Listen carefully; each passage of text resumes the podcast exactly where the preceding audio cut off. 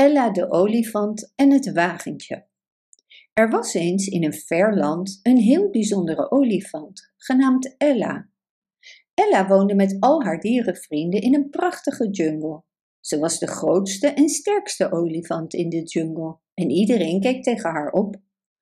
Op een dag speelde Ella tikkertje met haar vrienden toen ze per ongeluk over een tak struikelde en op de grond viel.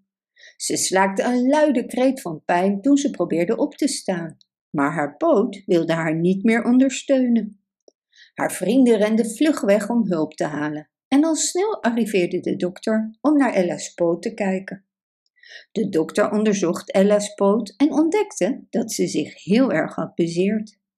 Hij wist dat Ella haar poot moest laten rusten en van de grond moest houden om goed te kunnen genezen.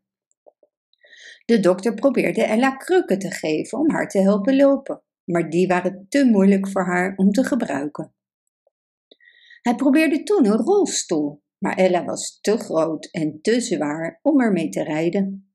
De dokter begon zich zorgen te maken. Hij wilde niet dat Ella steeds op één plek vast zou zitten terwijl haar poot aan het genezen was.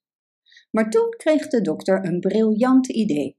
Hij ging naar zijn werkplaats en kwam terug met een wagentje. Hij bond het wagentje onder Ella's poot, zodat deze van de grond was en Ella zich gemakkelijk kon verplaatsen. Ella was dolblij dat ze weer kon bewegen. Ze voelde zich veel beter, wetende dat haar poot de rust kreeg die hij nodig had om te genezen. Ze gebruikte haar wagentje om al haar vrienden te bezoeken en de jungle te verkennen. Uiteindelijk was Ella's poot genezen en kon ze er weer op lopen. Ze was de dokter erg dankbaar voor zijn hulp en voor het bedenken van zo'n slimme oplossing. Ze wist dat ze altijd op hem zou kunnen rekenen om haar te helpen als ze weer in nood was. En zo leefde Ella nog lang en gelukkig, genietend van alle avonturen die de jungle te bieden had. Bedankt voor het luisteren. Wist je dat je dit verhaal ook op onze website ririro.com/nl kunt lezen, downloaden en printen?